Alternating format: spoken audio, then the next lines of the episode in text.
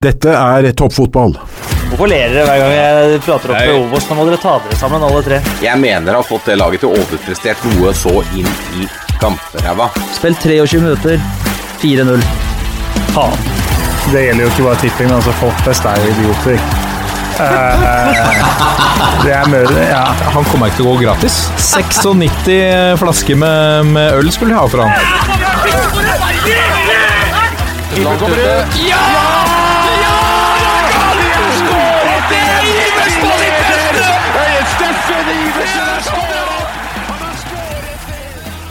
Vi spiller en kjempekamp. Ehm, vi vinner vel egentlig 2-1, og så blir, eh, får Ålesund to skåringer på helt ja, sinnssyke avgjørelser.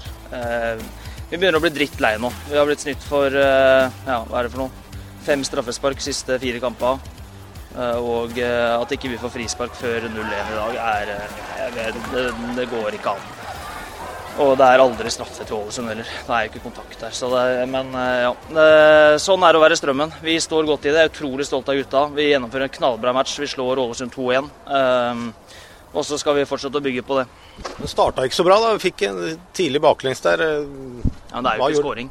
Det er ikke skåringen heller. Nei, men, altså, men det- se situasjonen i forkant. da. Det er klokkeklart frispark. Hvilken, øh, hvilke situasjoner på Mendy der? Mendy i ryggen. Hvis ikke det er frispark, så må du begynne å stikke folk i ryggen med kniv da, for å få frispark. Og med det, hjertelig velkommen til en ny eh, episode av uh, Toppfotball. Sånn er det å være Strømmen. Ole Martin Eskvist, velkommen. Jo, takk for det, holdt jeg på å si. Jeg vet ikke om jeg bare skal gå, eller, eller hva jeg skal gjøre, men ja, sånn blei det.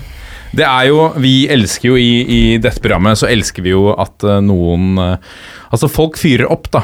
Eh, at det er både spillere eller trenere som driver og fyrer opp. Uh, men jeg ble litt overraska over at det var en av i redaksjonen som tok ansvar, da. Og gikk og fyrte litt på TV. Men det var kanskje på sin plass. Vil du si litt om omstendighetene rundt uh, utbasuneringen etter kampen mot Ålesund? Ja, bakgrunnen for det er at vi taper 3-2 i en eh, kamp hvor, eh, hvor vi egentlig spiller en veldig god kamp borte mot eh, det som kanskje akkurat nå er ligaens beste lag. Og ja, eh, 1-0 kommer etter seks minutter på en situasjon hvor vi skal ha et soleklart frispark i forkant. Eh, 2-0 kommer på en Og, corner. den er, og, og Det er sånn man hører trenere si, men hvis man ser den på video, så er den ganske klokkeklar. Men de spiller fra seg ballen og blir liksom tatt rett etterpå. Ja, det, det, er, det, det er helt riktig. Eh, Mange ganger så er jo, er jo vi trenere, inkludert meg sjøl, misfornøyd med situasjoner som kan diskuteres. Den her kan jo ikke diskuteres. Eh, Men, eh, men eh, sånn er det nå. Og så slipper vi inn 2-0 på en corner, hvor det også er litt eh, ting å diskutere i forkant. Men det eh, er vi først og fremst misfornøyd med hvordan vi forsvarer den corneren, så det er greit. Og så får jo Ålesund et, et, et eh, ekstremt billig straffespark, og da er det 3-0 etter en halvtime. Men vi kommer oss tilbake i matchen og er jo ganske nære å få med oss poeng, faktisk, med to store sjanser på overtid og 3-2, så vi, vi, vi er fornøyd med prestasjonen. Men kjenner du på at, at det har noe med For du sier sånn er det å være Strømmen. Uh, uh, har det noe å si at er en, Strømmen er mindre klubb enn enn Ålesund? Ja, men det har det jo. Altså, sånn eh, Jeg tror eh, altså, Dommere er mennesker, de òg. Og eh, vi mennesker har jo en, eh, en naturlig greie i oss at vi søker vekk fra det som er eh, ukomfortabelt, og mot det som er komfortabelt, eh, ubevisst. Og eh, at det er ukomfortabelt å dømme mot Ålesund på Color Line Arena, det har jeg veldig stor forståelse for. Eh, og eh, det er, det er samme som at Rosenborg alltid har eh, fått høre at de får straffespark enklere enn alle andre på Lerkendal. Eh, Selvfølgelig får de det, for det er ubehagelig å eh, ta en eh, vanskelig avgjørelse på Lerkendal foran 25 000 tilskuere. Eh, og Derfor så mener jeg jo i, i, i dommerutdanninga så er det altfor lite fokus på akkurat det. Det er altfor lite fokus på hvordan du som dommer eh, bevisst greier å stå imot det underbevisste. Da. Eh, og som sagt, jeg har kjempestor forståelse for at det, å være dommer er dritvanskelig. Han Dommeren som dømte oss på lørdag, har jeg et veldig godt forhold til. Han er en kjempedyktig dommer. Og så gjør han, tar noen avgjørelser som, som du har fått med deg, er veldig uenig i. Men til syvende og sist, det, det, er ikke dommerne sin feil. Man, man må legge mye større fokus på det i dommerutdanninga. Nå kommer du rett fra prolisenskurset. Dette kurset som også ble heftig diskutert fordi det var flere trenere også som gikk glipp av, eh, av eh, kamper ved forrige runde her. Eh, For som Altså Dette er et kurs for de, hva skal vi si, de neste store trenerne i norsk fotball, må vi kunne si. da. De er mest sannsynlig i det rommet hvor dette kurset avholdes. Hva er, Kan du fortelle litt om det kurset? Hva, hva, er dere, hva har du lært? Eh, Så langt har vi hatt to samlinger. Det er vel to av sju eller åtte samlinger, tror jeg. Eh, Vi har hatt én samling som handler om spillet, eh, fotballen, og så har vi hatt én samling som handler om metodikk. Og neste samling handler om ledelse. Og så vil altså alle samlingene ha eh, hver sine temaer, da. Og det er fem dagers samlinger hvor vi er da samla en veldig kompetent og fin gjeng på et sted i fem dager og jobber eh, veldig hardt de fem dagene for å lære å bli bedre. Så det har så langt vært eh, veldig, veldig bra. Hvem andre kan du name-droppe noen andre som, eh, som du tok det samme med? Ja, er, Vi er 15 trenere. Skal jeg begynne å name-droppe, så er det skummelt å, å miste noen. Miste noen da, Hvem var du på gruppe med, da? Om dere delte inn i Ja, Jeg er på treergruppe, med- som det er gruppe som følger oss hele kurset, med Trond Strande, assistenttrener i Molde, og Martin Reier, assistenttrener i Odd.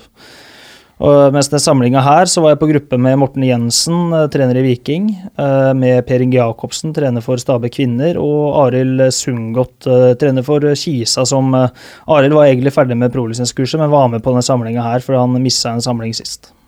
Riktig. Spennende. Men er du, når er du ferdig? Det er vel om et års tid, tror jeg. Litt, over et år. Vi har ikke fått hele planen ennå. Neste samling nå er i oktober, og så er det i januar og mars, tror jeg. Og utover det så hus husker jeg ikke helt, men uh, si neste høst, da, sånn omtrentlig.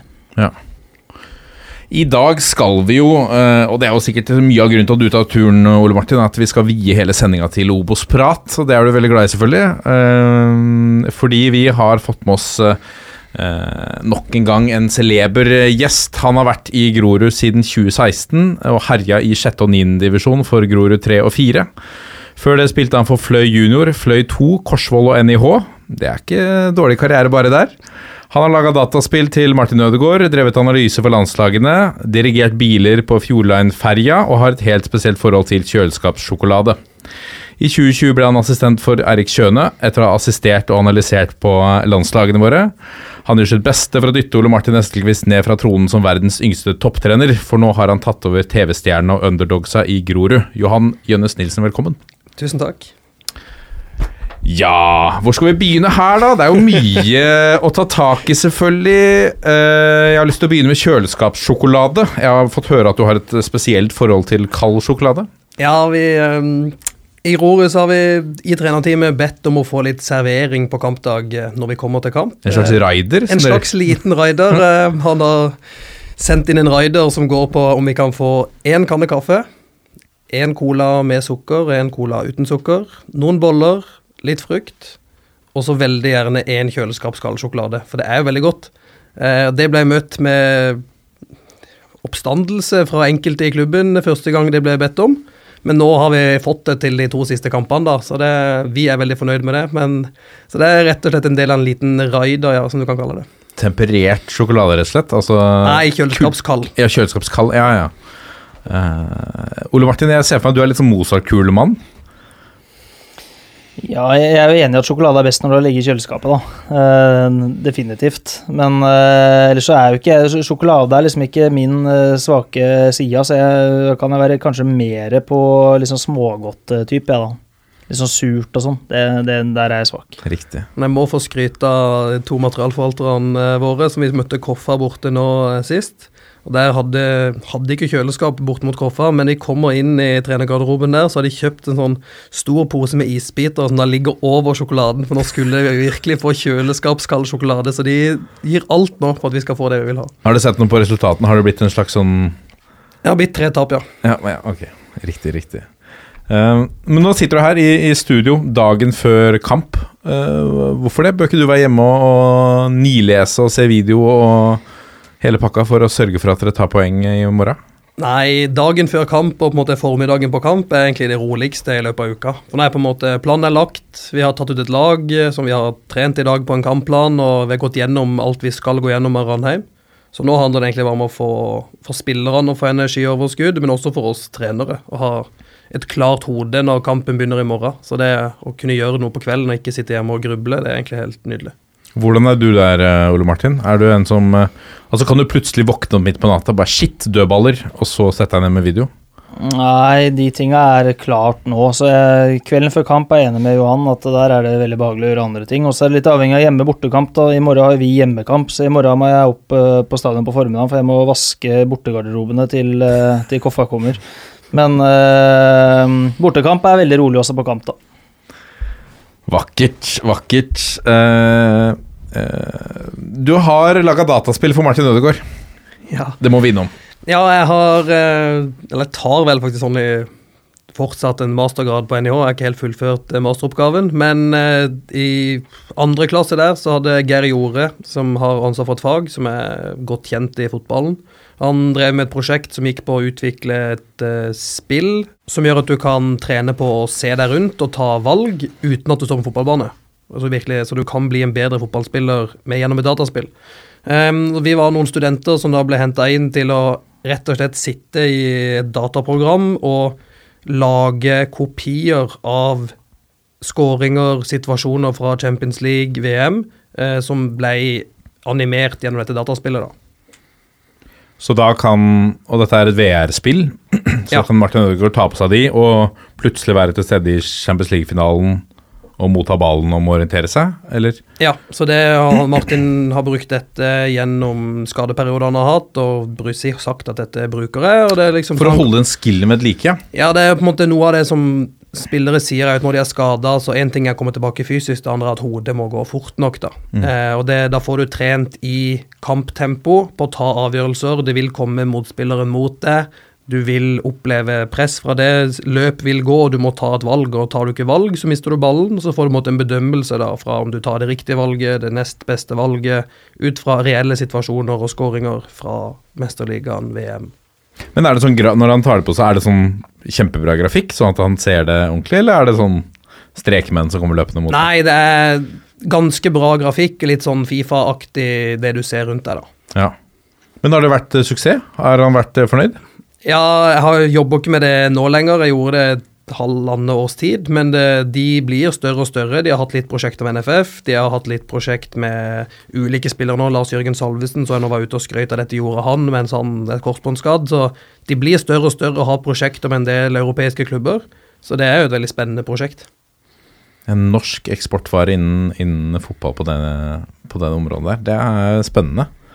Um, men da selv, da. Hvis vi, vi skal jo eh, gå inn i fotballkarrieren uh, og, og, og eh, trenervirket. Det er mye her vi skal snakke om, men, men hva er du opptatt av? Johan Gjønnes Jønnes Nilsen, hva er det du brenner for? Jeg brenner egentlig for å få det beste og meste ut av mennesker og potensialet de innehar. Både individuelt, men også sammen som lag. Um, å måtte få en gruppe til å yte sitt beste og få enkeltspillere til å ta, utvikle seg, ta nye steg, men også sammen nå nye høyder. Så jeg måte få ut det beste i folk.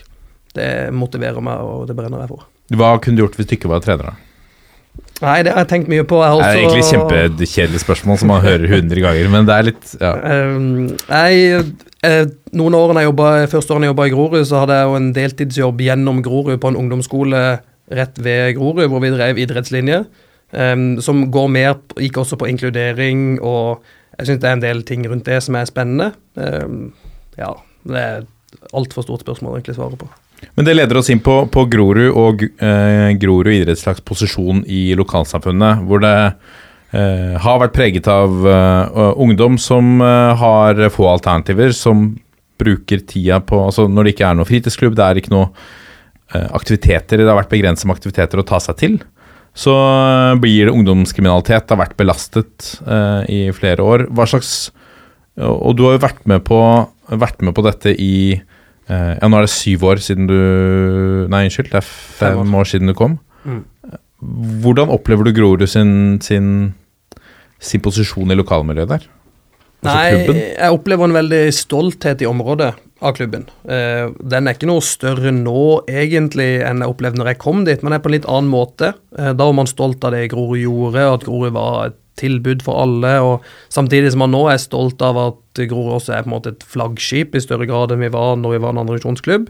Eh, men vi spiller jo en veldig viktig rolle både som fotballag og fotballklubb for yngre, men også med samfunnsprosjekter som vi driver, og på en måte Vi tar et ansvar for hele bydelen, og for egentlig vi vil jo for hele Groruddalen, for at det skal bli så bra som mulig. Og, og sånn det er akkurat nå, så er vi viktige for Grorud og for Groruddalen.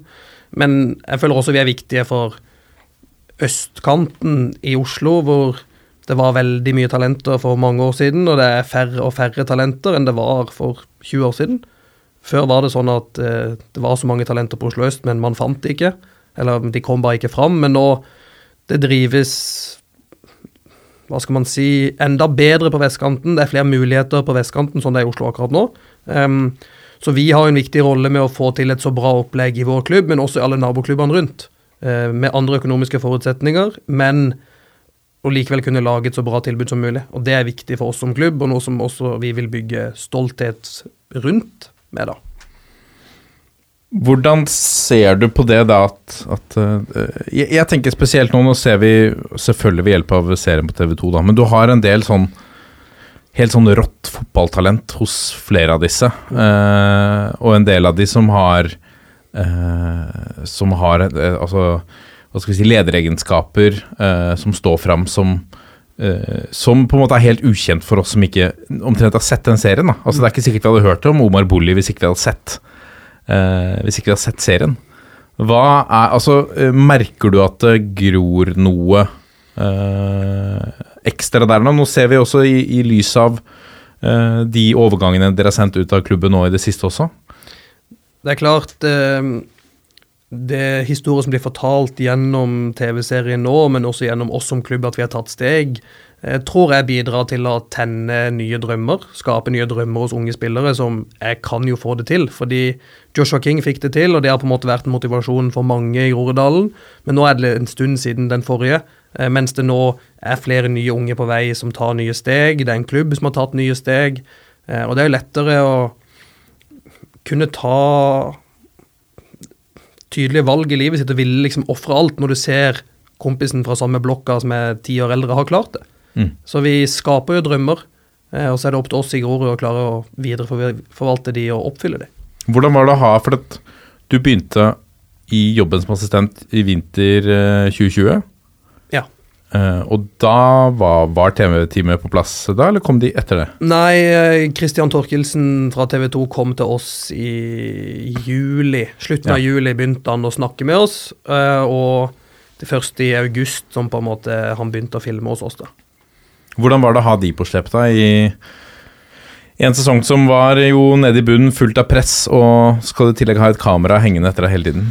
Nei, jeg er vel så heldig som jeg kan si at jeg hadde opplevd litt før. For vi hadde våre neste menn sin første sesong, var med Christian Torkelsen, som jeg ble kjent med da når jeg jobba på G15-landslaget, som ble fulgt der. Så jeg hadde litt inntrykk av hvordan han var som person, og visste at han, han blender veldig inn.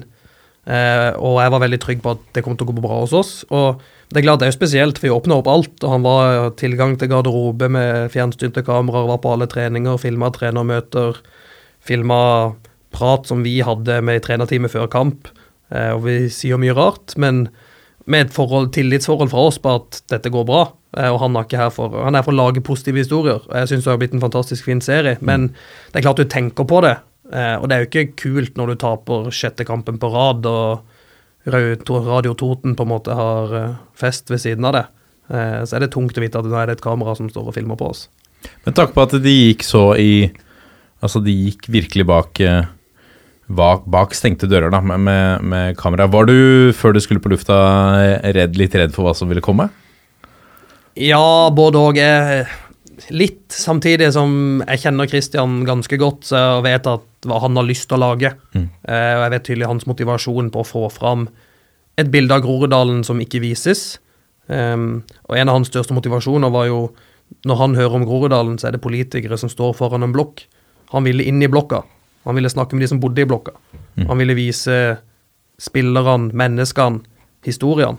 Um, og det syns jeg han har gjort på en fantastisk måte. Så har klart Vi har vært litt nervøse, og vi har sittet og sett de her samla som lag litt før de kommer på TV 2 og vært sånn OK, hva kommer? Vi har hatt god stemning, og vi har kost oss, vi er veldig fornøyd. Ja. Ole Martin, hadde du, hadde du sagt et ubetinget ja til hvis det hadde kommet samme forespørsel til eh, Strømmen? Er, er Norge klar for å få Bobo i, på skjerm?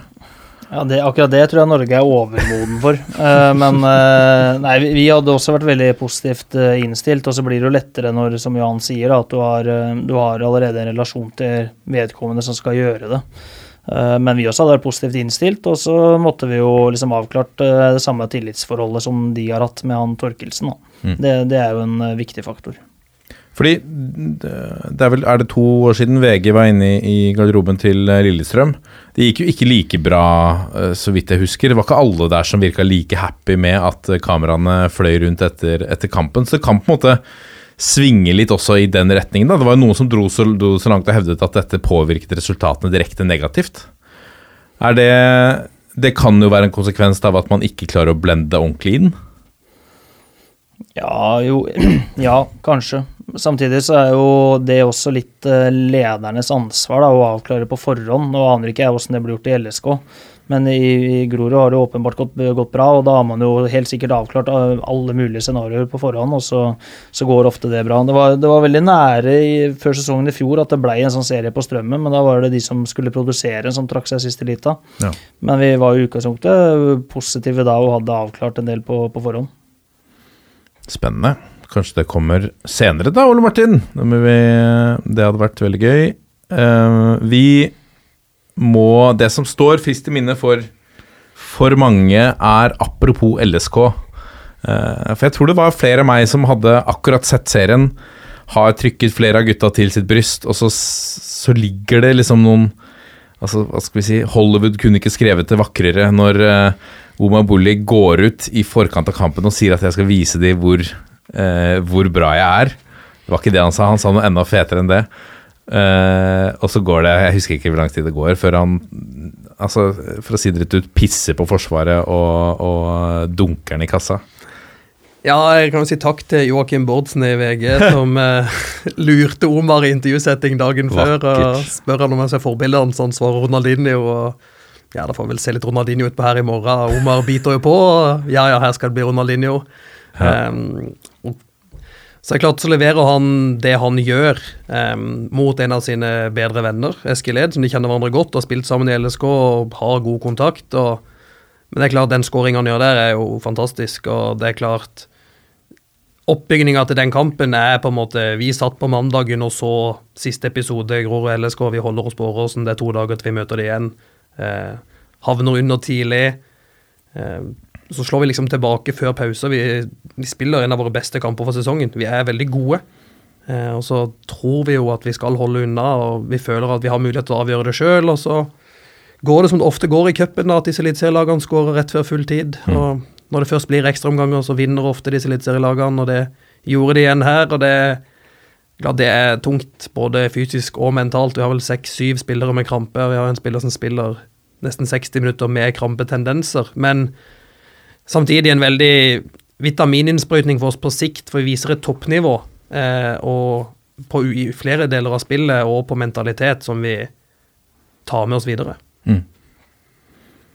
Der er vi jo litt inne på det med å få mye ut av lite, da. Som, som vi har snakket litt om eh, eh, tidligere.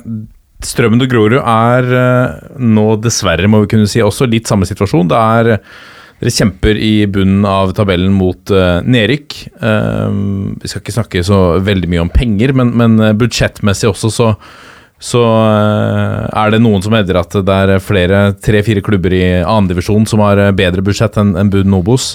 Um, dette med å likevel, da, eh, og, og sånn som Strømmen har gjort, sånn som dere har gjort, holde plassen, litt sånn mot mange odds. Hvilke knapper er- Hvordan får man til det? Johan først. da. Nei, du må jo være fryktelig nøye i alt du gjør. Du må, vi har de inne et begrensa tidspunkt i løpet av dagen. Når motstanderlagene våre går hjem for dagen, så kommer våre spillere fra jobb og skole og skal begynne å trene. Eh, og da må vi trene like bra på den lille tida som de andre har hatt en hel dag på å gjøre. Så vi må ha spillere som virkelig vil dette, eh, og som har det gøy sammen, som det er en suksessfaktor når du har mindre tid og ressurser, så må du også like å være der. Eh, og så handler det jo om å se potensial der andre kanskje ikke har sett potensial. Vi må ta noen sjanser på spillere som kanskje ikke har fått det til andre steder, samtidig som vi virkelig må treffe på det vi gjør. Fordi ingen av oss har mulighet til å bomme på overganger. Vi må treffe med hver overgang vi gjør, fordi det er den muligheten vi har. Hvis andre klubber bommer, så kan de hente en til, og så går det fint. Men vi må treffe. Um, og det setter et større krav til oss i forberedelse, scouting og den delen, men også det å Når vi først har gått for noe, så må vi virkelig prøve alt vi kan å få det til. Vi kan liksom ikke gi opp hvis det går dårlig et par-tre første ukene med en ny spiller. Uh, vi må få han inn i gruppa, vi må få det til å fungere. Um, og det er jo en sånn Det gir, gir oss en ærgjerrighet, tror jeg, og en på en måte stå-på-vilje som Det er ikke at vi jobber mer eller hardere enn de andre klubbene, men kanskje vi gir folk litt bedre tid. Um, fordi vi, må, vi er nødt. Vi ser jo serien nå. Uh, Eirik Kjøne, som jo nå er i Stabæk, uh, snakket mye om Eller snakket mye om Nevner i hvert fall én sekvens i garderoben, er at alle skal slå Grorud. Det er ingen som Altså, det er ingen som eh, kommer til Grorud for å, for å tape. Uh, det å snu den der, Ole Martin, og bruke det liksom mot Det som på en måte er litt imot dere, å bruke det for dere, er det noe som du har praktisert? Det kan nok hende altså, I strømmen så er man jo vant til å være underdog. Uh, og det ligger jo veldig mye positiv motivasjon i det. Uh, så tror jeg de tinga Johan er innom, er uh, veldig riktig. Og så tror jeg det handler om at du må, du få fram kollektivets kraft. Da. Du er nødt til å stå samla hvis du ikke har en spillergruppe som står 100% sammen, ikke har et trenerteam som gjør det, ikke har en klubb rundt deg som gjør det, eh, så, så jeg tror jeg du er sjanseløs til slutt på å få liksom maks ut av det du har. Eh, og der kan det nok hende at klubber som Grorud og Strømmen er eh, litt bedre enn en del andre organisasjoner, for jo mer, jo mer penger og mer problemer òg. Mens hos oss i hvert fall, og helt sikkert i Grorud, så er det jo en gjeng som som uh, står utrolig godt samla i, i, det man gjør. Da. Uh, og, og, da får man litt sånn ja, en kraft i, i det òg som du faktisk har poeng på. Du, du kan plukke poeng på, på samhold og, og, det å gjøre alt du kan for lagkameraten din. Uh, det, det, ligger en del i det òg. Å få fram det er en helt egen egenskap. Men nå er du eh, Mendy nå sist, eh, den siste rekka i, i en, en en pen liste med overganger som har, som har lykkes på strømmen, som har vært gode, som ikke Hva skal vi si Ikke kanskje alle ville tenkt på. Hva er Nå vil du selvfølgelig ikke avsløre hele hemmeligheten din, men, men eh, hvordan er dere, eller hva gjør dere for å lykkes såpass bra på overgangsmarkedet? Det er jo de tinga Johan er innom. Det er en eh, ganske lang og nøyaktig sånn scoutingprosess som først går på ofte å se spillerne på video, og deretter live, og så begynne å sjekke referanser rundt eh, tidligere trenere, tidligere medspillere, eh, etter hvert da begynne å snakke med vedkommende selv.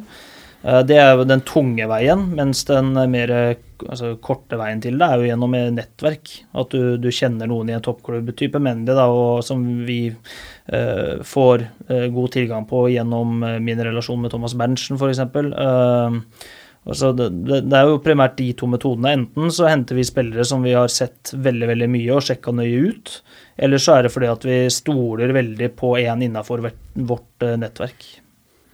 Men um, betyr det at dere er nødt til å jobbe hardere og, og bedre enn en eh, de større klubbene? Johan? Vi må i hvert fall få mer ut av alle ressursene vi har. Mm. Um, så vi må Alle penger vi bruker, må vi tenke oss om før vi bruker.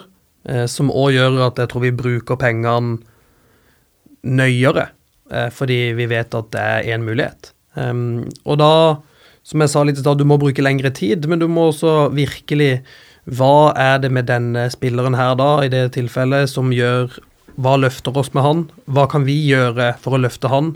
Hva kan vi endre med andre spillere rundt han som gjør han bedre, gjør laget bedre? Og samme på trenerteamet. Altså, vi har jo trenerteam som kommer fra fulltidsstillinger altså i vanlig jobb, og kommer til oss en halvtime før treninga starter.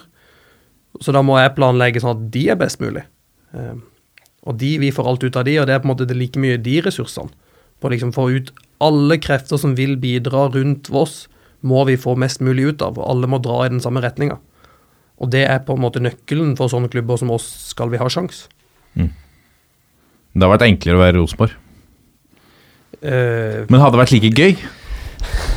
ja, det har vært annerledes i hvert fall. Det er enklere med at ting er på stell, men uh, Det er sikkert kaotisk der òg, men uh, du har jo et annet press Mm. som Det er klart det er et annet press å være trener i Rosenborg enn å være trener i Grorud, og det vil jo kjenne på andre måter på kroppen. For det er jo Ja, det er jo et veldig annet press. Og det er jo ikke gitt at man tenker at, at eh, Man tenker at gode trenere er gode trenere. Og så, er det liksom Ja, det er en veldig god manager. Typisk eh, klassisk Premier League. Man henter inn en, en veldig god manager til en eller annen klubb, og så for oss som er liksom litt interessert, så føles det som at dette er jo Har de en gang tenkt seg om hva som passer til denne klubben? Uh, uh, som United-fan kan jeg jo si at jeg tenkte det både med van Gaal og med Mourinho. At det jeg er ikke fotballekspert, men, eh, men det kom ikke som en overraskelse, på at de ikke ble den neste Sir Alex. Men er det Det er vel ikke heller gitt at, en, eh, at Ståle Solbakken f.eks. ville Nå har han gjort det bra med HamKam, for så vidt, men en stor norsk trenerpersonlighet kunne gått ned på, på, eh, på bunn Obos og gjort en like god jobb. Nei, du må treffe gruppa du kommer inn i. Mm. Du har et godt eksempel med Rekdal i HamKam, som sammen med Geir Frigård har virkelig snudd det der opp og fått det virkelig bra. Um, så, Og som ikke klarte det i start, som hadde litt sånn samme forutsetninger, kanskje selv om det var masse penger, men, men de også slet litt i, i, i bunn, da. Ja, eh, det er helt riktig. Og så har du samme med i motsatt så har du LSK som ansatt Geir Bakke, og som virkelig har truffet. Når vi starta sesongen i fjor i Obos, vi hadde LSK i første kamp, det var en jevn kamp, vi tapte 1-0, så var LSK et middels pluss Obos-ligalag. Um, og nå er de et godt eliteserielag. Så måtte den utviklinga de har hatt de siste 15 månedene, er jo kanskje jeg mener den beste i Norge. Så klart, det valget LSK tok der med han, og valget han sjøl tok, det har tydeligvis truffet hånd i hanske og vært uh, veldig bra. Når du ser på LSK, Ole Martin, hvorfor har det gått så bra som det har gjort i år? Uh, kontrollert og god ledelse over tid av uh, både Geir Bakke, Petter Myhre, Mesfin og mange andre som er involvert. Og så er det jo uh, en del gode taktiske vurderinger. da. Omlegginga til 3-4-3 endra hele sesongen for dem, for å få mer ut av det spillematerialet de har. Så, men, men det ender jo til slutt opp i god, god ledelse, gode valg som ble tatt på ledernivå. Og det å, som Johan sier, eh, starten på uh, sesongen de hadde i fjor var jo ikke bra, men samtidig så Det var ikke en øl. For de som Ja, jeg skulle til å si det. Det er den- ikke en pils før kamp på Johan her. Nei, det er Seven Up Free, til og med. Ja, ja. Uten sukker her. Uten sukker. um, så er det jo eh, Det er ikke så mange ledere i norsk, norsk toppfotball som eh, hadde greid å få til det de fikk til i fjor. Eh, det er veldig mange som hadde fått panikk og hadde mista hodet, mista trua på det de drev med. Og så hadde denne sesongen til LSK endt opp på en 7.-8.-plass i Obos. Men eh, det er et godt bilde på, på eh, hva god ledelse kan bidra med. Men Johan, hvis vi tar eh, går litt tilbake i tid, da. Din reise fra Altså, vi kan jo Det er jo viktig her å trekke fram de, de største opplevelsene fra din fotballkarriere. Ehm, fløy junior, fløy 2, Korsvoll, NIH. Uh, Grorud 3 og 4. Ja Har jeg stemmer glemt, har jeg Nei, jeg har, eh, det stemmer. Det, jeg hadde vel et par treningskamper for Fløy A-lag, men jeg var aldri god nok til å bli tatt opp der. Det var helt riktig vurdering av Joey Hardarson, som da var A-lagstrener der på den tida. Det frustrerte jo meg da på det tidspunktet, men jeg var blant de som eh, Ja, jeg ble skada, men jeg var heller ikke god nok. Jeg trente ikke nok til å bli god nok heller. Så eh, jeg skal ikke skylde på skader. Det er min egen treningsinnsats som var det største problemet. Hva ville du sagt til deg selv som spiller, da? Treneren Johan, ja. Nei, det Hvis jeg hadde møtt eh, Johan 17, så hadde jeg sendt den, så må du virkelig trene, eller så er det bare å slutte. Ja. Eh, tror jeg. Egentlig hadde jeg sagt til meg sjøl som 17-åring. I tråd med den norske fotballmodellen, ja. ja, det, men det nei, største minnet som fotballspiller er vel eh, Nei, vi eh, Ja, vi Lokal turnering på eh, Eller regional turnering Sørcup, som vi spilte Vi var en arrangørklubb med Fløy, men det er en ganske stor turnering som vi vant. Som avgjorde finalen på Sør Arena i lokaloppgjør mot Vindbjart. Og, så det var jo kult, da. Og, så det er vel største sånn spillerminne. Fortell, men du må fortelle, du må fortelle mer levende. Ja, nei, det Hvordan skjedde det? Ikke Ja. bare si hva som sto i avisa. Nei, for det var faktisk dobbeltside i Fjellandsvennen Ja, dagen etterpå. Var det en kanonkule i kryss, eller var det Nei, det er en uh, krigerkamp, og det er 1-1. Uh, og det er, vi har møtt Vindbjart, det er jo hatklubber og møtt hverandre mange ganger opp igjennom. Og vi, det er vel en to-tre minutter igjen. Vi får en corner. Um, så gå rolig opp, det var midtstopper. Og så er det perfekt slått, og så knuser jeg vel egentlig min Stiller i den duellen og header eh, i mål. Og så er det noen spinnville jubelscener og miste hodet på skåret for få mål. Og var ikke noe god på å feire, men det var i hvert fall følelser i feiringa. Og det var, så det er vel beste sånn spillerminne jeg har. Deilig. Det hørtes uh, vakkert eh, Du har vært litt kaptein og sånn inni I hvert fall så jeg på Grorud 3 og 4 kan stemme. Jeg vet, ikke om jeg har fått lurt til meg kapteinspinnet der, men eh, i fløytida så var jeg kaptein. Eh, det var jeg. Så du var en tidlig ledertype, eller? Tenkte Ja. du treneryrket tidlig? Ja, om jeg ikke tenkte på det sånn direkte, så når jeg ser tilbake på det, så gjorde jeg en del tanker rundt eh, laguttak, taktikk. Jeg diskuterte mye med treneren, eh, sikkert på godt og vondt, som kaptein, med hvordan bør vi spille, hvilke spillere bør spille, eh, hvordan kan vi bli bedre. Så jeg tenkte nok tidlig på det. Men Og så begynte jeg allerede, altså første året nesten jeg spilte litt i Korsvoll i tredjedivisjon, jeg begynte på idrettshøyskolen, så begynte jeg å jobbe som trener samtidig i Korsvoll. Så da ble det veldig naturlig fra da allerede i 2013. Og du er jo ikke en, eh, du jo ikke en gammel mann, 27 år. Um, du har en mann ved siden av deg også som, eh, som uh, begynner vel kanskje å bli litt lei av å snakke om uh, alder. Eh, men tenker du kanskje at, at liksom det største sjokket over at man kan være så ung og være topptrener, at på en måte Ole Martin har gått opp stien litt først, sånn at det er litt mer aksept for de som nå kommer etter og kanskje er Man trenger ikke være 40-50 da uten at det stilles spørsmål. Ja, helt klart. Og Eirik, selvfølgelig kjønner. Ja, og det er klart det ville nok vært uh, større sjokkbølger hvis jeg som 27-åring hadde tatt over en annen klubb i Grorud uh, enn en Grorud. Um, men det er klart det at det har vært flere unge trenere, det har vært mye medieoppslag rundt unge trenere, gjør jo at det blir ikke like mye oppstyr på at jeg er 27 år. Eh, og det syns jeg for så vidt er helt greit, for jeg tenker ikke alderen min som avgjør om jeg er flink nok til å ha den jobben eller ikke. Nei. Du får ikke noe sånne Men du har fått et par sånne drittunge-kommentarer eller et eller annet sånt hvis du har eh, Om det er fra supportere eller eh, som prøver å være veldig kreative i å slenge noe greier etter deg.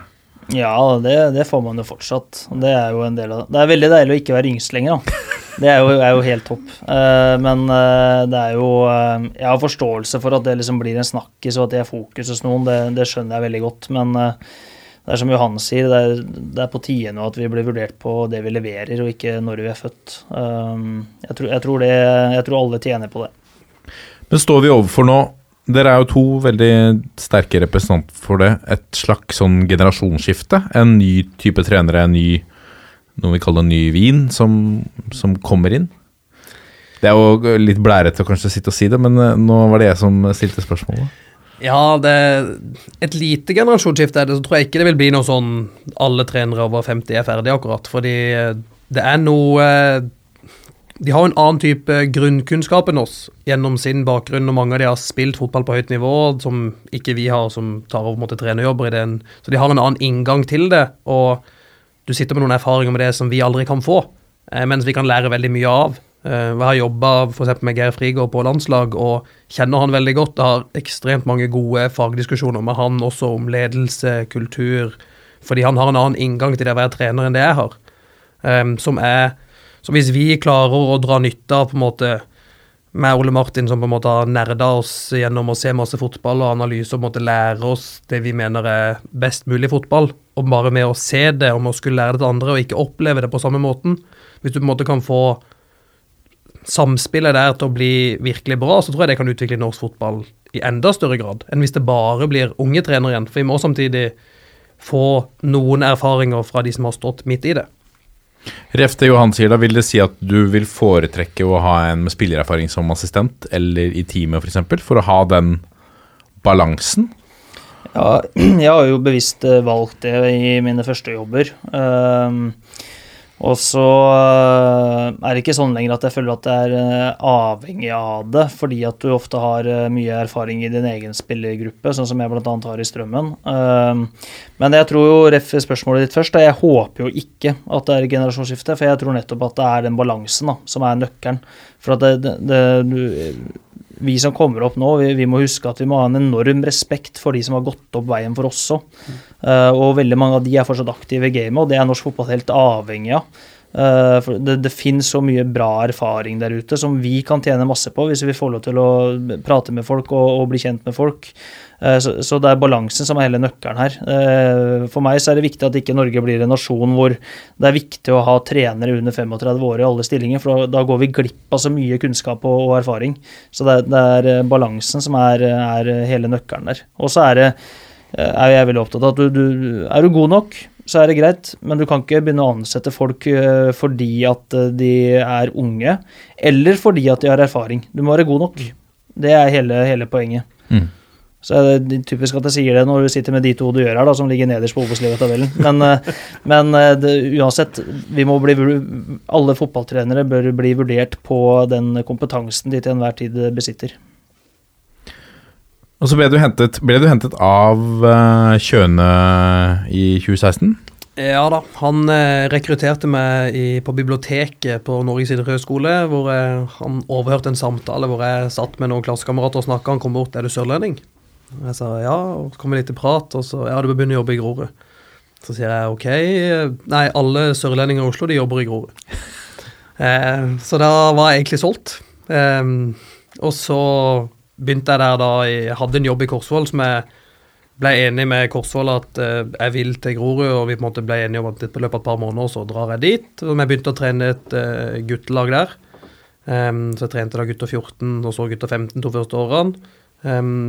Og det er klart forskjellen på å dra fra å trene gutter 14 i Korsvoll til å trene gutter 14 i Grorud, den er ganske stor. Uh, så man lærer mye om livet, og lærer mye om mennesker, som har vært helt fantastisk, syns jeg. Og som har gitt meg en del ny kunnskap om ulike måter å vokse opp på i det landet her. For det er ganske annerledes å vokse opp i en blokk på Romsås enn på Sørlandet.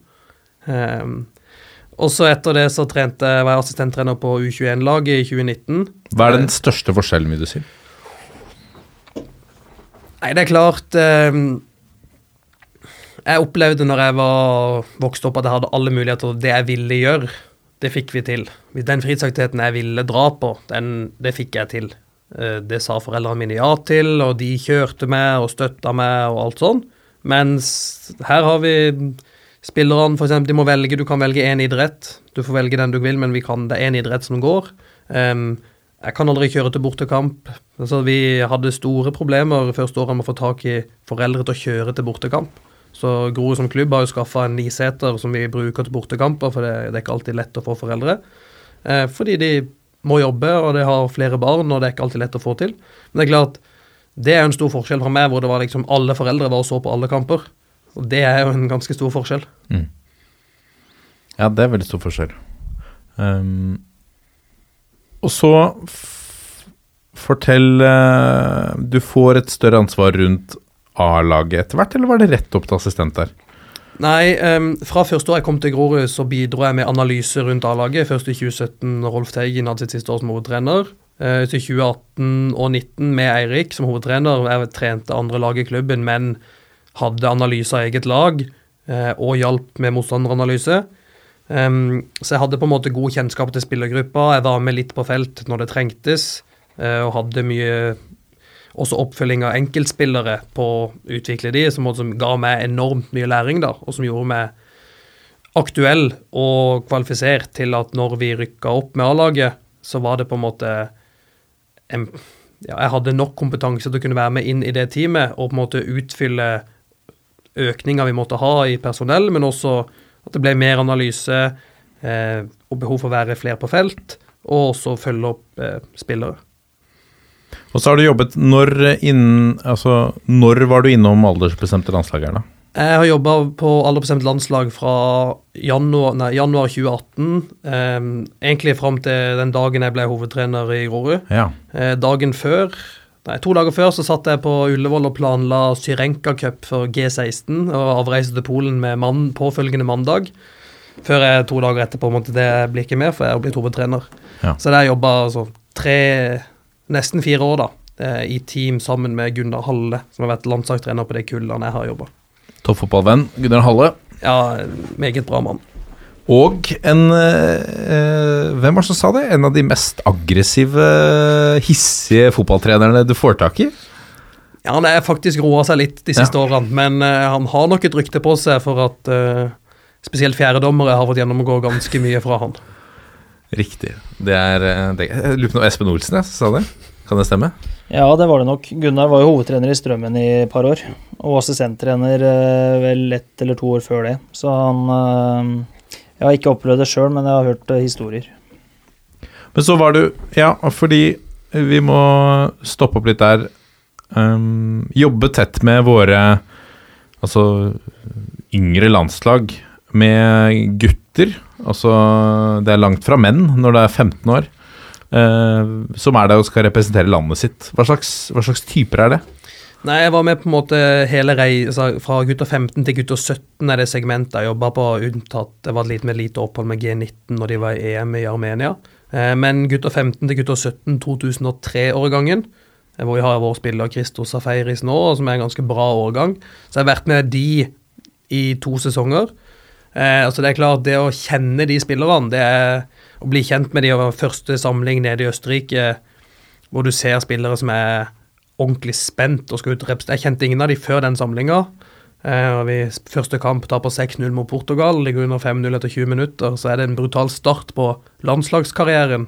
Men du ser Du lærer litt om spillere da, og samtidig å følge på en måte utviklinga de har hatt. og et par av de som nå Oscar Bob, som spiller i City, Brian Fiabema i Chelsea og Christian Arnstad i Anderlecht, på å nevne noen, er på en måte Altså, jeg har blitt kjent med guttene. Eh, og liksom vært med på en del av utsett, sett utviklinga de sitt tett, og jobba med de på landslaget. Det, du lærer en del om referanser på hva må til. For du ser hva de legger ned på samling, men du snakker også med de mellom samlinger. Hva gjør de? At, og det er liksom det er ganske stor forskjell på treningshverdagen til de, og hvis jeg skal nevne min egen treningshverdag da jeg var 16 år, så skjønner jeg hvorfor de blir gode og ikke er. Ja, riktig. Så blir du, som du nevner, da eh, Du jobbet med Eirik Kjøne i eh, Må ta det først. Du jobbet med Eirik Kjøne i syv år. Det var han som hentet det. Og plutselig så var han borte. Hvordan var det? Ja, det jobba man i fire år, men Ja. eh, det, det var det er klart det er rart eh, når du har truffet en person hver dag på jobb i fire år, og så på et par dagers varsel så er han ikke der lenger. Det, det var en torsdag som var hans siste dag, og på fredag så er på en måte ha, Skal du holde en økt? Eh, og på mandag så er navneskiltet borte. Så det er på en måte Fotballen er brutal på de måtene. Det samme gjelder med spillere, men det er klart du, du blir vant til folk, og du blir glad i folk, eh, og det er gøy å jobbe sammen med folk.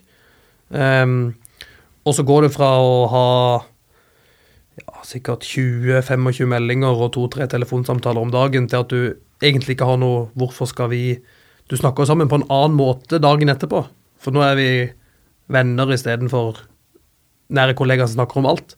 Ehm, så det er klart den forskjellen er stor, og det er klart fotballen er ja, brutal, hvis man skal kalle det det, men det er også noe av sjarmen, men det er jo på godt og vondt. Ole Martin, du er en mann som er glad i folk. Ehm, jeg kan se for meg at du også har hatt et par sånne situasjoner med spillere som har forsvunnet, eller ledere eller trenere, eller Det er brutalt på en helt annen måte enn du kan finne i en type i i arbeidslivet så har vi ofte oppsigelsestid, eller det er liksom avslutning på, med kake og blomster og tjo og hei. Ja, og så er det jo eh, I fotballen så kommer det nye folk som du veldig, veldig fort eh, får en lignende relasjon med. Eh, Det er sånn for min del, altså vi jobba kjempetett med noen folk i Moss fotballklubb eh, som du blir veldig, veldig glad i. eh, Og er jo, som Johan sier, på telefon med de hver eneste dag. Du treffer de på kontor hver eneste dag. Og så er det jo sånn på sekundet så er jeg i Strømmen, og én er i Tromsø, og én er i Sarpsborg. Og så blir det til at du ringes kanskje en gang iblant. Men det kommer nye folk for meg da på Strømmen hvor, som på en måte eh, ikke erstatter de, men som erstatter den hverdagen du hadde i Moss, og så blir det på samme måte der. Um, Og det er nok eh, Det er flere bransjer det helt sikkert er sånn i, men i fotballen så kan det nok skje oftere mer uventa enn det kan gjøre i en del andre bransjer, da, fordi at det er såpass resultatprega. Går det veldig bra, så forsvinner en trener eller spiller på dagen. Eh, Går det dårlig, så forsvinner en trener på dagen, og så um, kommer det nye. Så er det jo sånn at eh, går det en uke eller to, så er det på en måte den nye normalen. Så tenker man ikke mer på Man tenker litt av og til på det som har vært, samtidig som du møter på jobben og ja, det, det kommer ikke til å sitte noen der i dag, og du tenker ikke mer over at den stolen står tom, eller den plassen i garderoben den er tatt over av noen andre nå. En uke etterpå du selger en spiller. Så det er på en måte Fotballen går videre igjen, for det er neste trening og det er neste kamp. Um, så det er liksom Det drives videre av seg sjøl. Så jeg tror det er viktig å av og til ta et lite pust i bakken og kjenne Huske på hva man står oppi, og de man er rundt. For det, det er noe med å få noe ut av de når de er der, men man har fått, hvis det er folk som drar videre, og tenke gjennom at hva har vi fått til sammen før de drar. um, og kjenne på det. Og så var du assistent en eh, periode under Aksel Bergo. eh, så fikk du beskjed nå i september? Ja. Ja stemmer. Siste dagene i august så leda jeg laget midlertidig mot Sandnes Ulf, og så fikk jeg jobben permanent da fra 1.9. Stemmer. Eh, hvordan var det, da? Nei, det er klart eh, Jeg har jo tenkt i mange år sånn det hadde vært kult å være hovedtrener i Grorud, og jeg ville gjort ting sånn eller sånn.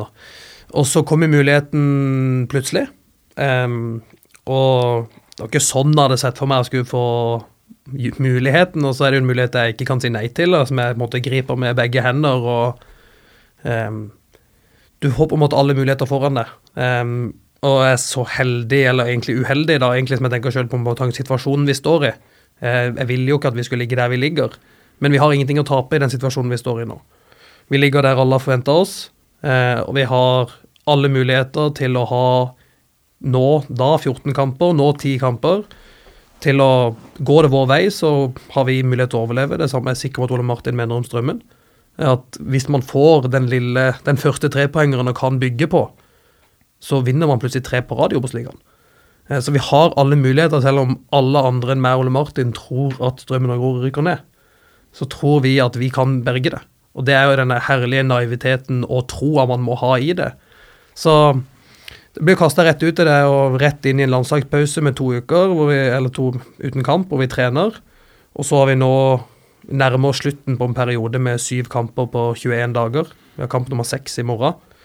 Ehm, så det har ikke vært tid til så mye annet enn kamp, analyse, kamp.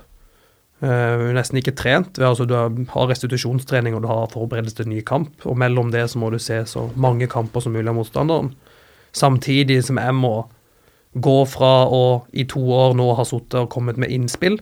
Sånn her kan vi gjøre det, sånn her mener jeg vi bør gjøre det.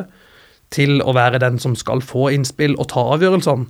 Og det er mest som å gå til spilleren og si du spiller ikke pga. det og det, du spiller. Eh, og det, måte, forskjellen der er ganske enorm, eh, og den snur på én dag. Um, og det å klare å da gjøre den vekslinga er jo utfordrende, men jeg opplever at det har gått fint. Mm. At det går seg til, for må bli, spillerne må bli vant med meg også som hovedtrener. Som er, da må du være en annen enn du er som assistent, men likevel må beholde deg sjøl. For det er jo Johan jeg skal være.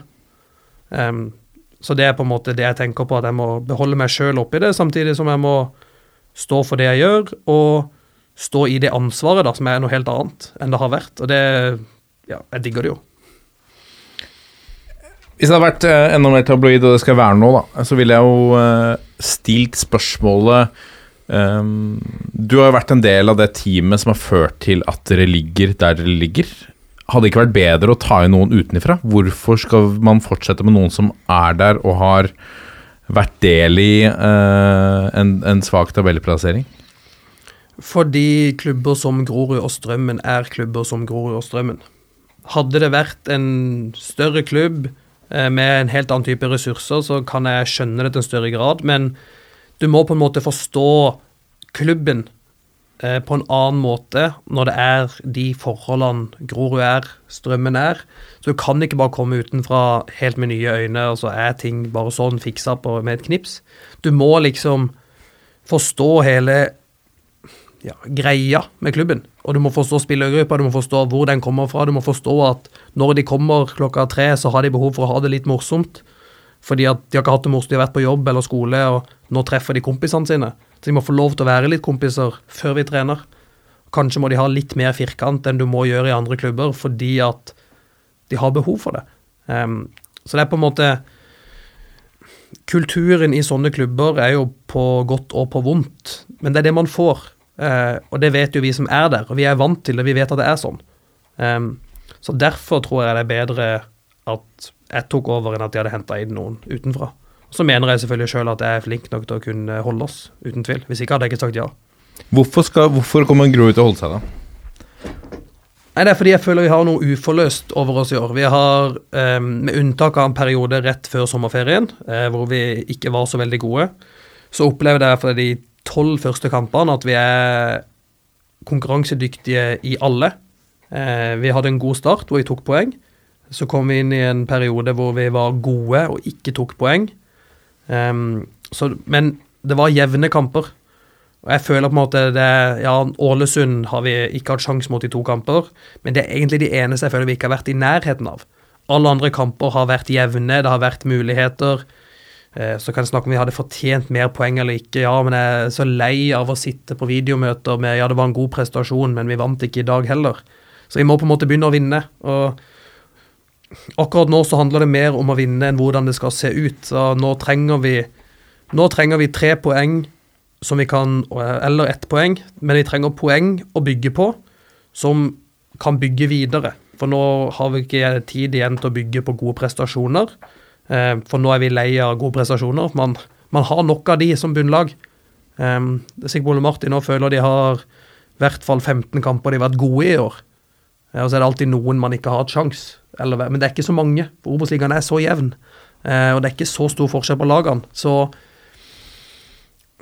du trenger de tre poengene, og hvis vi får de tidlig nok, helst allerede mot Ranheim i morgen, så tror jeg vi kan bygge videre på det og ta Da tar du fort ganske mange poeng. Så det er jo det vi prøver på.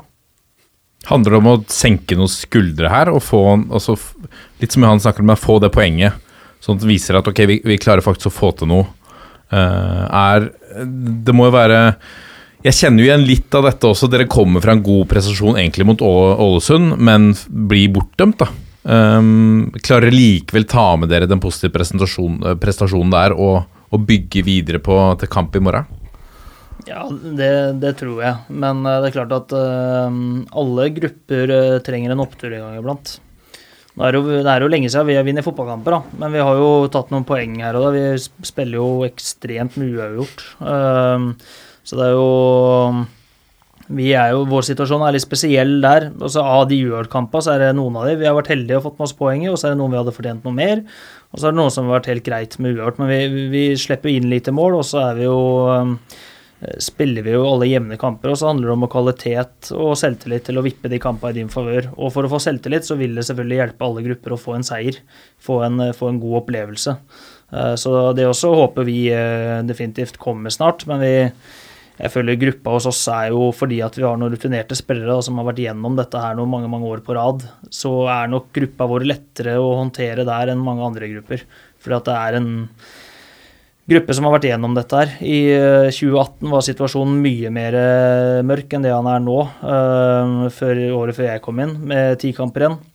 Og første året mitt med ti kamper igjen, så hadde vi også færre poeng enn det vi har nå. Så er, eh, vi har vært gjennom dette her før.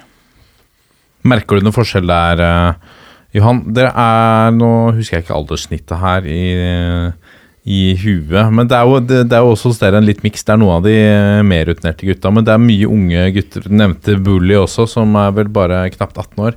Ja, vi har vel det yngste eller nest yngste laget sammen med Raufoss og Sogndal, tror jeg det er vi tre som er Sogndal har blitt litt eldre nå i siste vindu, så er også Raufoss med de to yngste lagene, hvis jeg sånn husker det riktig. Em, så vi er jo en ganske ung gjeng, samtidig som mange har vært der ganske lenge. Så det er litt rutine i det. Og så har vi noen eldre som er rutinerte. Og så ligger jo vår, vår litt som Ole Martin sier, spillerne våre har jo forventa å ligge nedi der.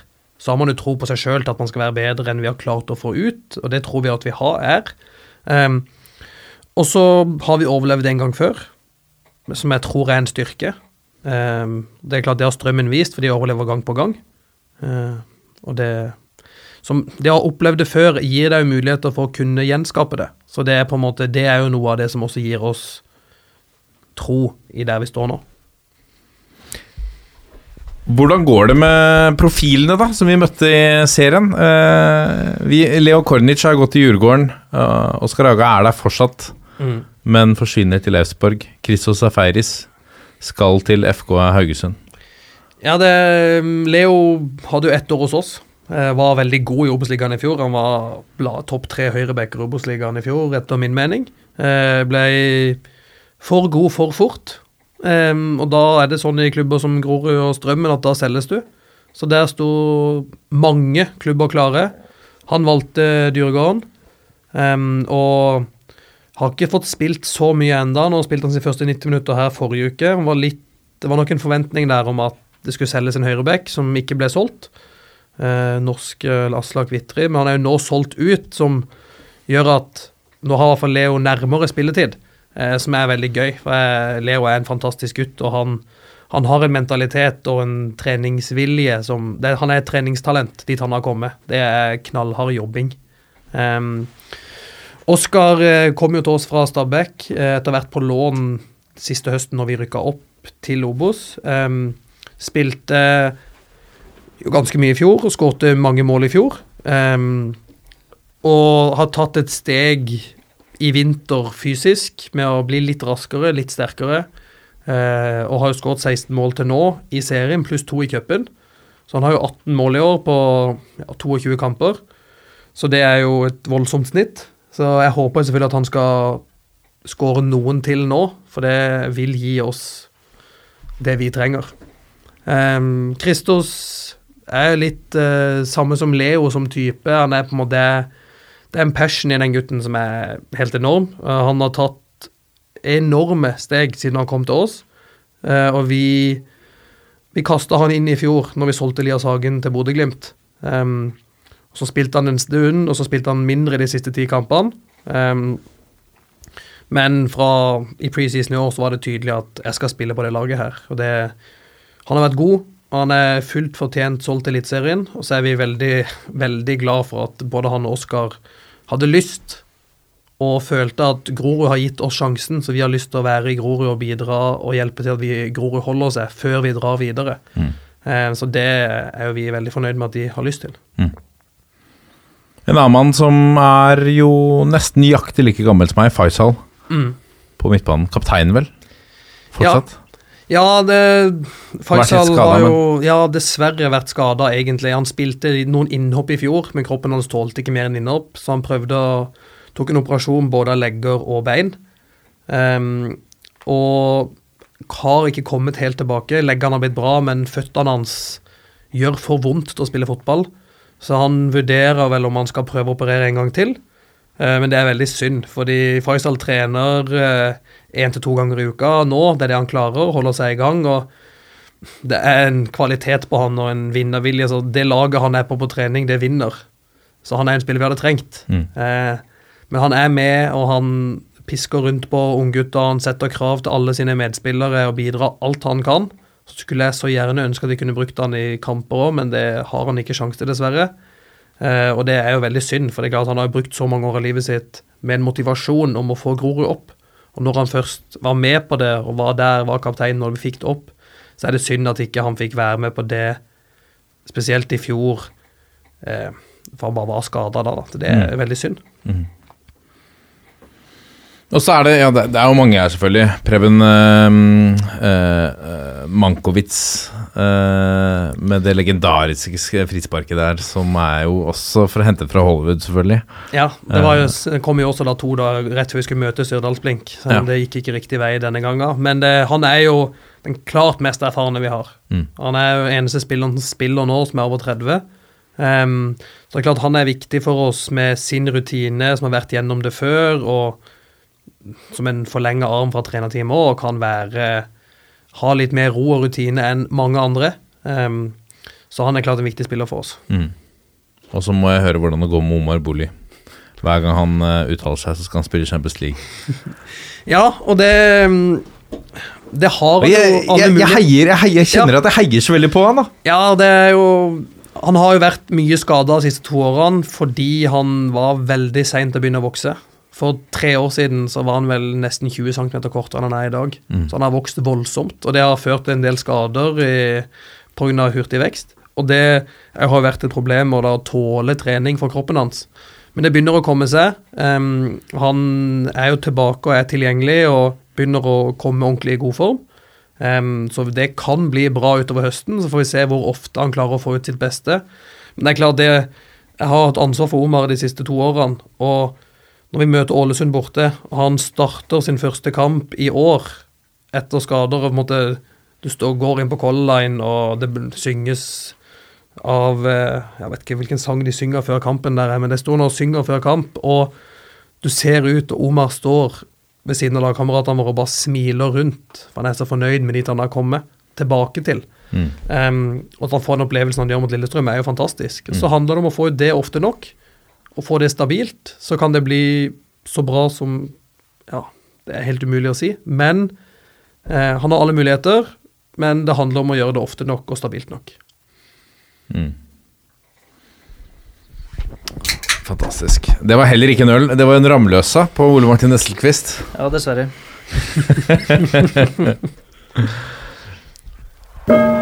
Dette er toppfotball. Hva tenker du om mannen ved, ved din side, da, Ole Martin Esselquist? Din uh, trenerkollega og rival. Ser du på han litt som en rival i, i, uh, i ligaen? Ja, det er klart. eh, Strømmen er jo en rival for oss. Både med størrelse og det er nærme. Um, det er jo imponerende å klare å holde strømmen oppe gang på gang. Det er på en måte man, Jeg vet jo hvilke ressurser og utfordringer han står i, og det at de har overlevd som klubb i så mange år, men å på en måte komme inn med den ja, ikke at alderen har noe å si, men erfaringa vi har, og kompetansen vi sitter, og klarer å få det ut med en gang.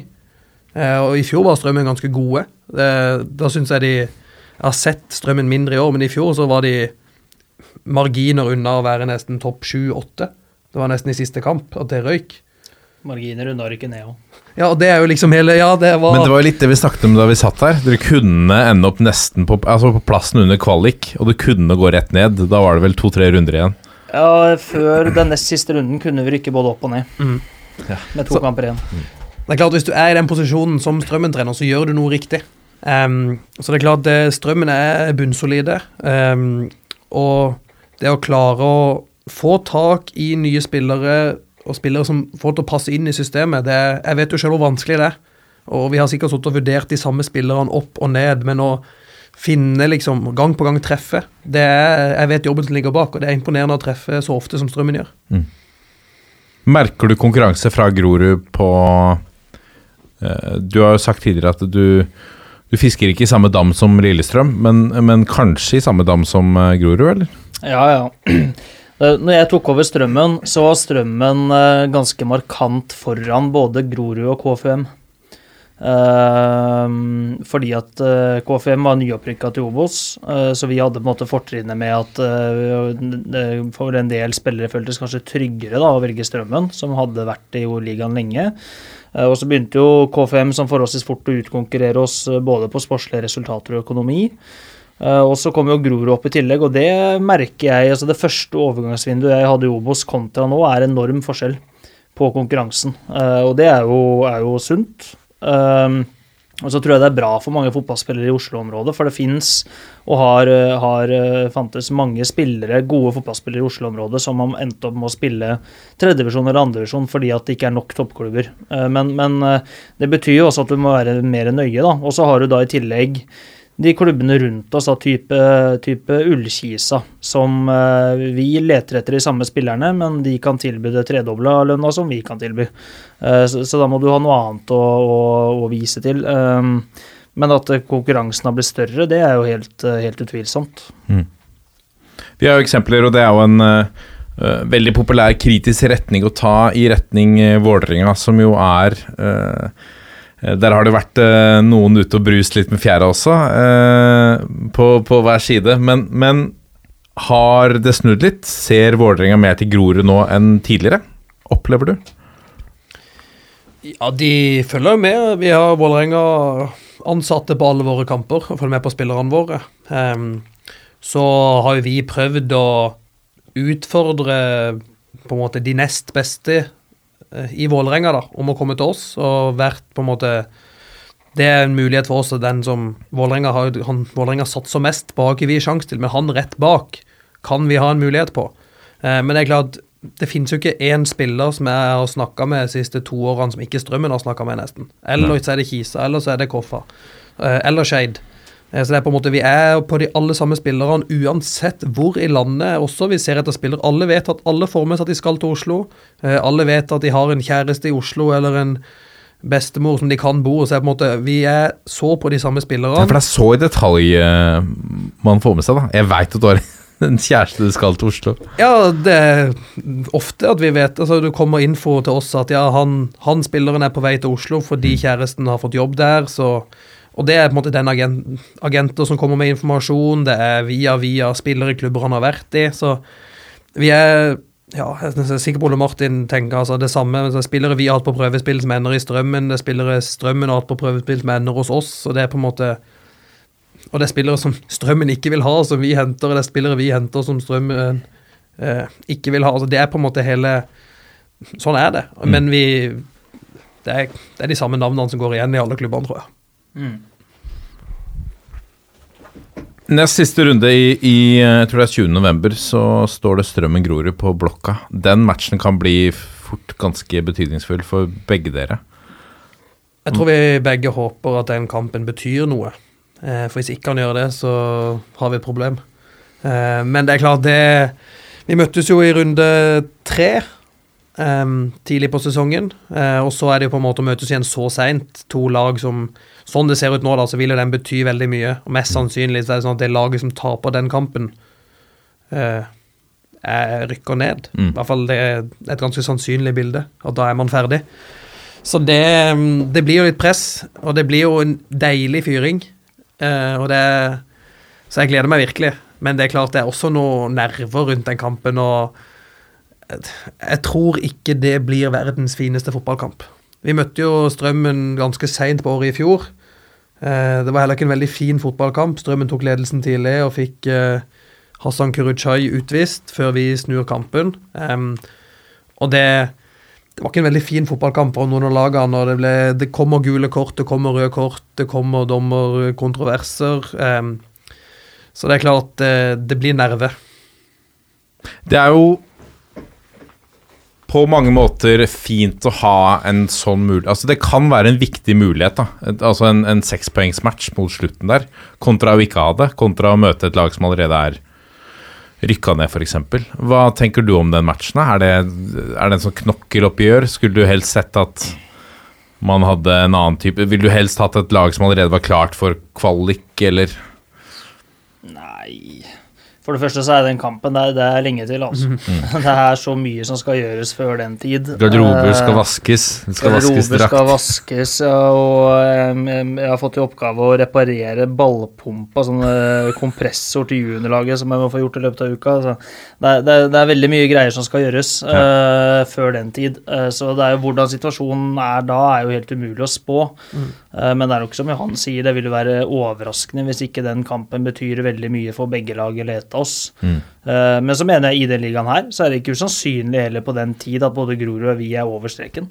Så det, det, det er helt umulig å spå. Men at den kampen kommer til å bli jevn Nå har jo vi jeg har jo møtt Grorud som Mosse-trener òg, og det er jo utelukkende jevne kamper. Mm. Det det er uavgjort eller ettmålseier til ett av laga, og det er eh, sjelden veldig velspilte kamper, som, som Johan sier. Eh, Og det kommer nok til å være eksempelet den gangen her òg. Og så um, syns jeg det er noe av det jeg liker med, med Grorud, i hvert fall sånn vi har opplevd på Strømmen og jeg har opplevd i Mosso, er jo at under kampa så er det den mengden med passion som det skal være, men det er alltid et eh, fint forhold før og etter. Uansett utfall. Så syns jeg det er, det er gøy å møte har vært gøy å møte Strømmen, fordi hvis vi endrer ting underveis i kamp, så endrer Strømmen også. Da er Ole Martin der og sier ok, nå endrer de, nå presser de litt annerledes, så så kommer det et mottrekk tilbake. Og Det er det ikke alltid vi opplever, for vi møter en del lag som er så gode at de bare skal gjøre det på sin måte uansett, mens vi er mer vant, tror jeg, da, til å måtte gjøre justeringer hele tida for å få det beste ut av det vi har. Så vi, i kampen i fjor, så gjorde vi en ting som vi, vi endra en måte å presse på, som vi aldri har gjort før mot Ole Martin sine lag. Eh, som de brukte litt tid på å finne ut av. Men når de fant ut av det, så måtte vi endre igjen, fordi da sleit de med endringa han gjorde.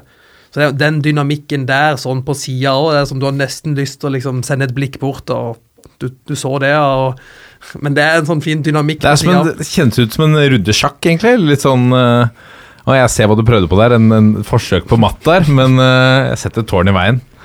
Ja, det har det samme med Jeg kjenner jo som sagt Geir Frigård godt, og vi skulle møte HamKam borte. og hadde satt opp lagoppstillinga vår i 4-4-2, som vi stort sett spiller. Um, men hadde, vi skulle spille 5-3-2 i den kampen. Um, fordi det er en gunstig måte å møte HamKam på, spesielt borte på Briskeby tidlig i sesongen. Um, og har snakka mye Diskutert mye 4-4-2 mot 5-3-2 som HamKam-spiller med Geir opp igjennom, fordi vi har spilt det også på landslag. Um, og han har gått gjennom i hodet sitt, som han sa etterpå, om hvordan disse diskusjonene, hvilke muligheter hadde vi, og så kommer vi ut i 5-3-2 med et lag, nøyaktig samme lagoppstilling som spilte 4-4-2-kampen før. Og da går det vel 20 sekunder i kampen, og så snur Geir seg bort fra og så sier hun 5-3-2. Tenkte på det, men trodde det ikke. og det, det blir en sånn det blir en fin dynamikk på sidelinja da, med de man kjenner litt, og at man må spille litt ball frem og tilbake på sidelinja òg, som er interessant. Mm.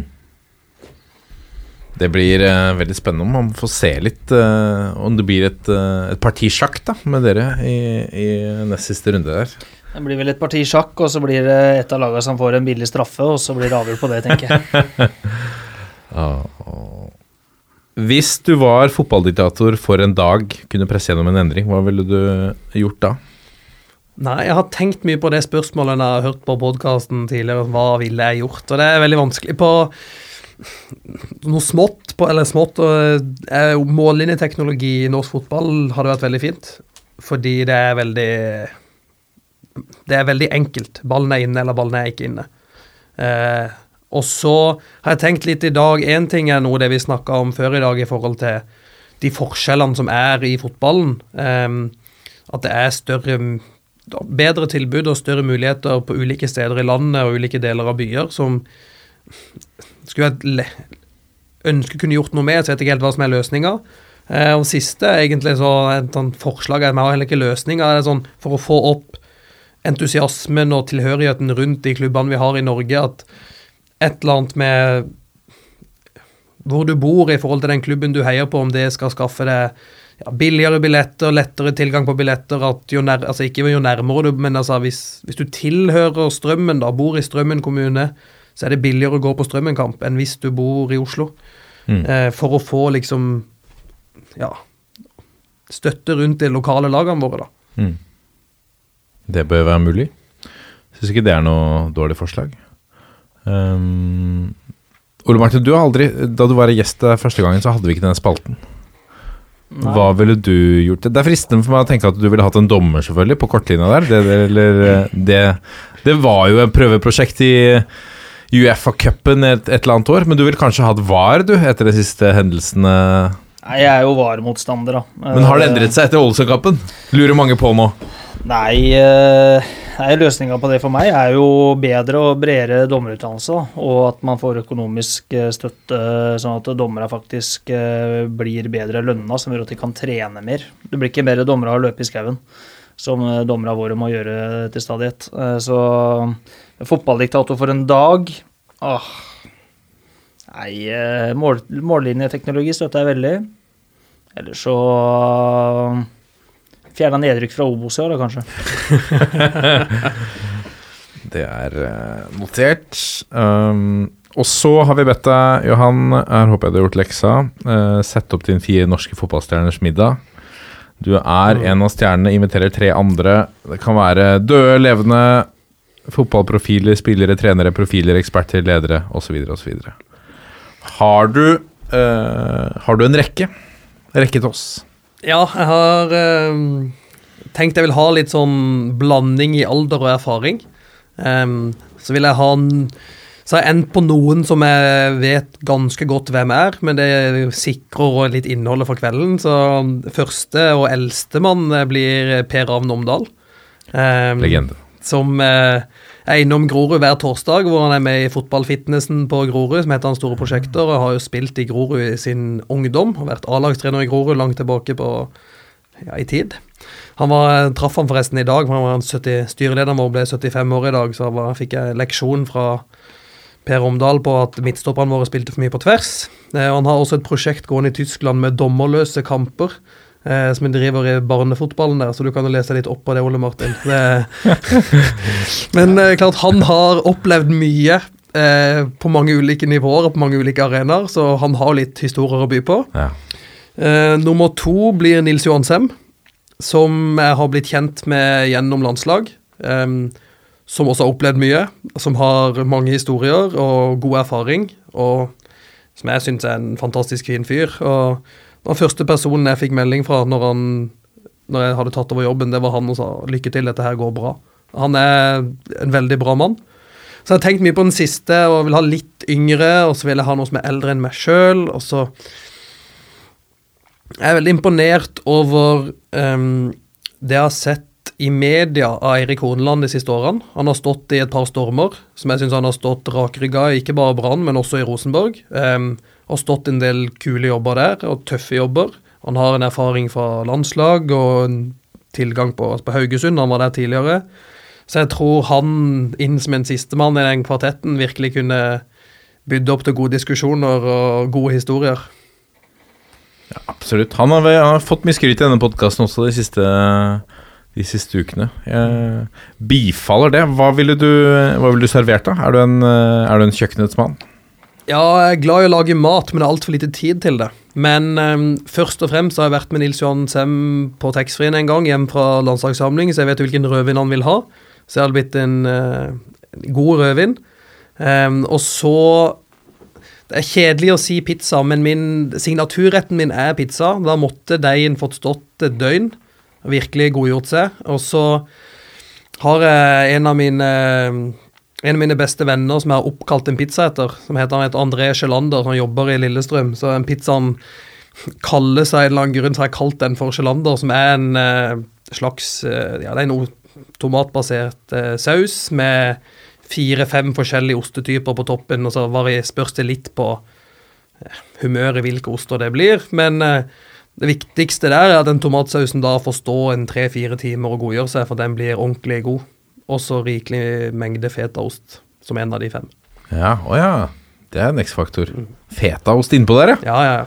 Det, så det, det ville jeg servert. Dessert, da? Nei, det måtte vært noe med sjokolade i. Ehm, Kaldt.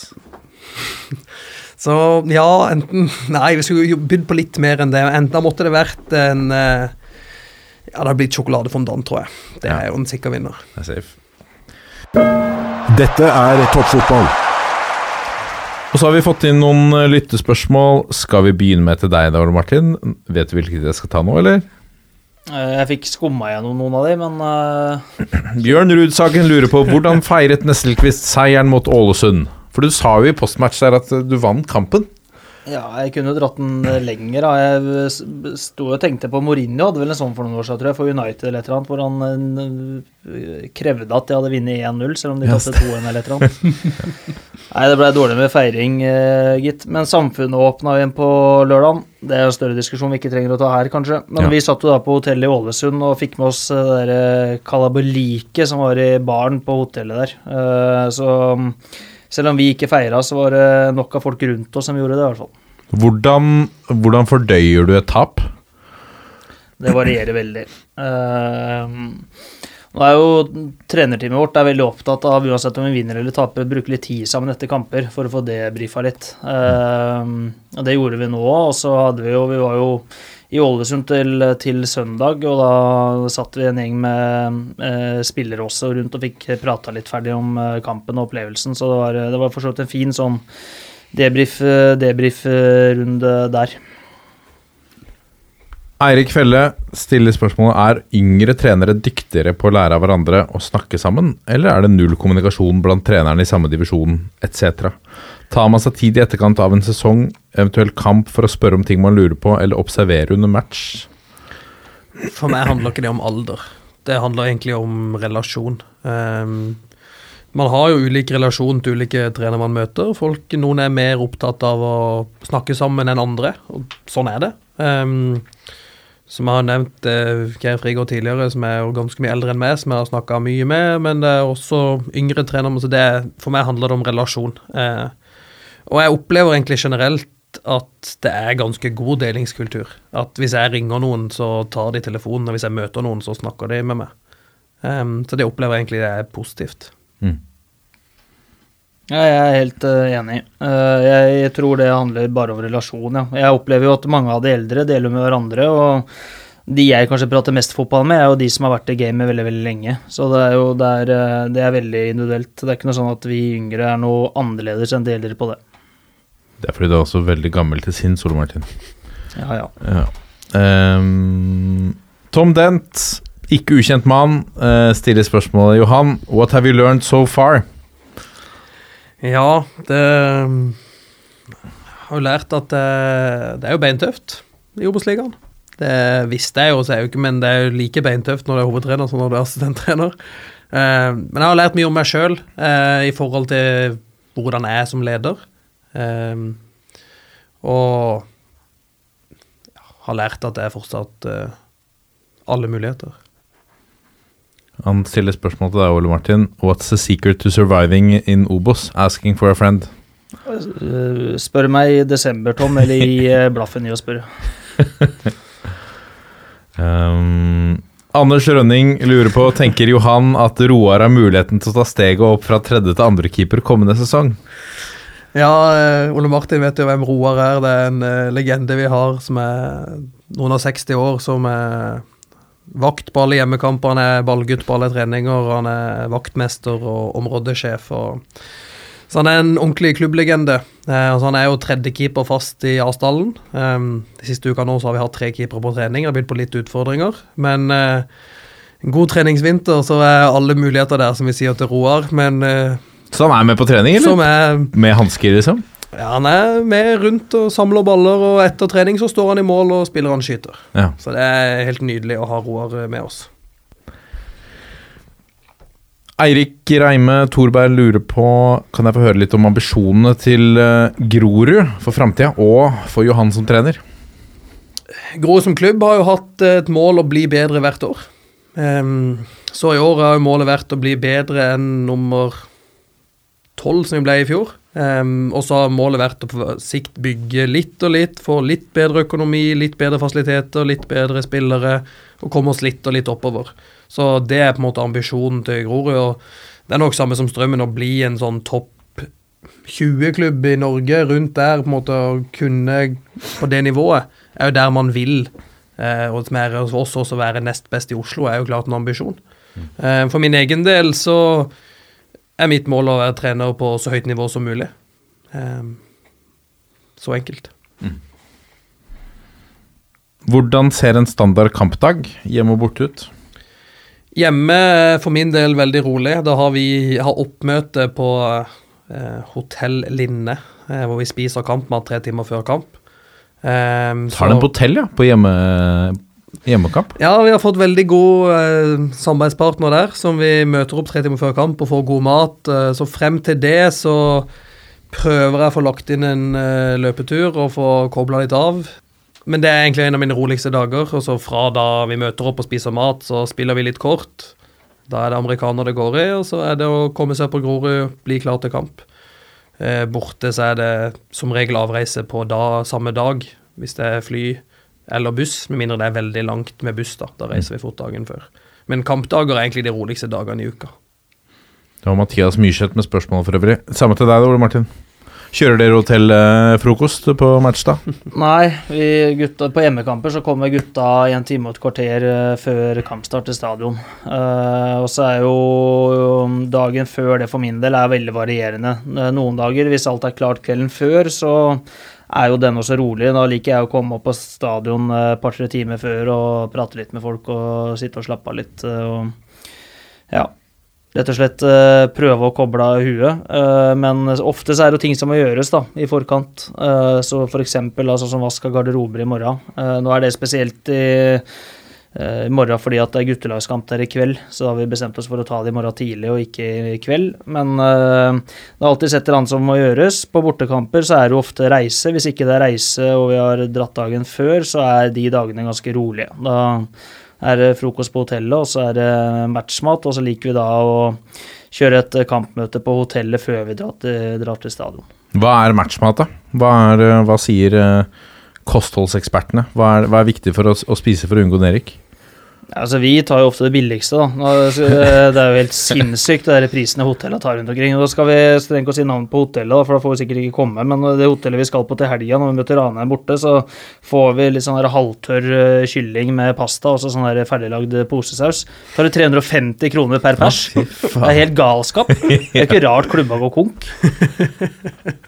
23 kroner koster det å lage det måltidet per pers. Ja, og Det er jo Nei, eh, helt imot hvordan dere er vant til å drive, på en måte, med fornuft og Nei, er helt krise. Så det var jo hvilke kamper det Og det var før vi møtte Stjørdalsblink, så øh, sto vi og um, var jeg på butikken kvelden før og handla masse brød og pålegg og sånn som vi tok med opp, og så smurte gutta seg mat på hotellet sjøl for å spare, spare så mye penger som mulig. Ja. Så det er jo en del sånne, sånne løsninger. Men øh, ja. Og det hotellet vi var på i Ålesund, var veldig, det var veldig bra mat til 150 kroner. Så det kan jeg anbefale de andre hotellene å følge. Jeg vil jo da skryte veldig av Scandic på Hell, som jeg regner med var der de lå mot Stjørdalsblink. Den beste kampen vi har fått i år, så jeg vet ikke hva den koster. Men vi fikk ikke halvtørr kylling i hvert fall, så det... Nei, det er ikke, det er ikke der, faktisk. Nei, det var enda godt. Men det er godt å vite til en annen gang. Jeg tror ikke det koster 350 kroner heller der. Nei. Lars Aksnes får uh, siste spørsmålet. Er det stor økonomisk forskjell mellom topp andredivisjon og Obos-ligaen? Hvem vil ta, hvem vil ta den? Ja, forskjellen er jo veldig stor. Eh, De tipper de syv, åtte, ni klubbene i andredivisjon med høyest budsjett har markant høyere budsjett enn det Grorud og Strømmen har. Ja.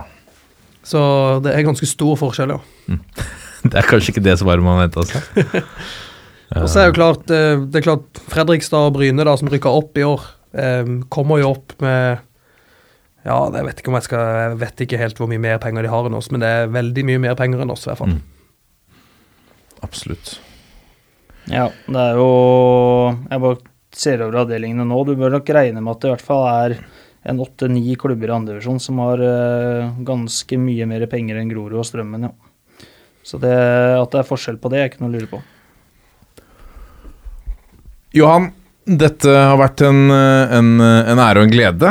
eh, at du tok deg tid dagen før en, en viktig match. Eh, kanskje dette er med på å snu det da, for, for Grorud. Det hadde vært eh, gledelig. Jeg hadde, hvis dere plukker poeng i morgen, så tar vi litt av æren her, faktisk. denne podcasten. Ja, da skal jeg gi dere æren også. Det har vært eh, veldig hyggelig. Det har vært en god eh, kald 7 Up Free. Så jeg er opptatt av kalde ting, har du jo erfart. Så det, nei, det har kost meg. Ole Martin, takk for at du eh, kom tilbake. Vi håper at uh, du vinner også neste match, så, så, så vi ser deg igjen. Ja. Uh, vi er uh, Toppfotball på Facebook, Twitter og Instagram. Gå gjerne inn og legg inn en rating også, så blir vi fornøyd på iTunes der. Eller send en mail til toppfotballat451.no. Så må vi avslutte på 1, 2, 3. Vi er en gjeng. Ha det. Johan tok den, vet du.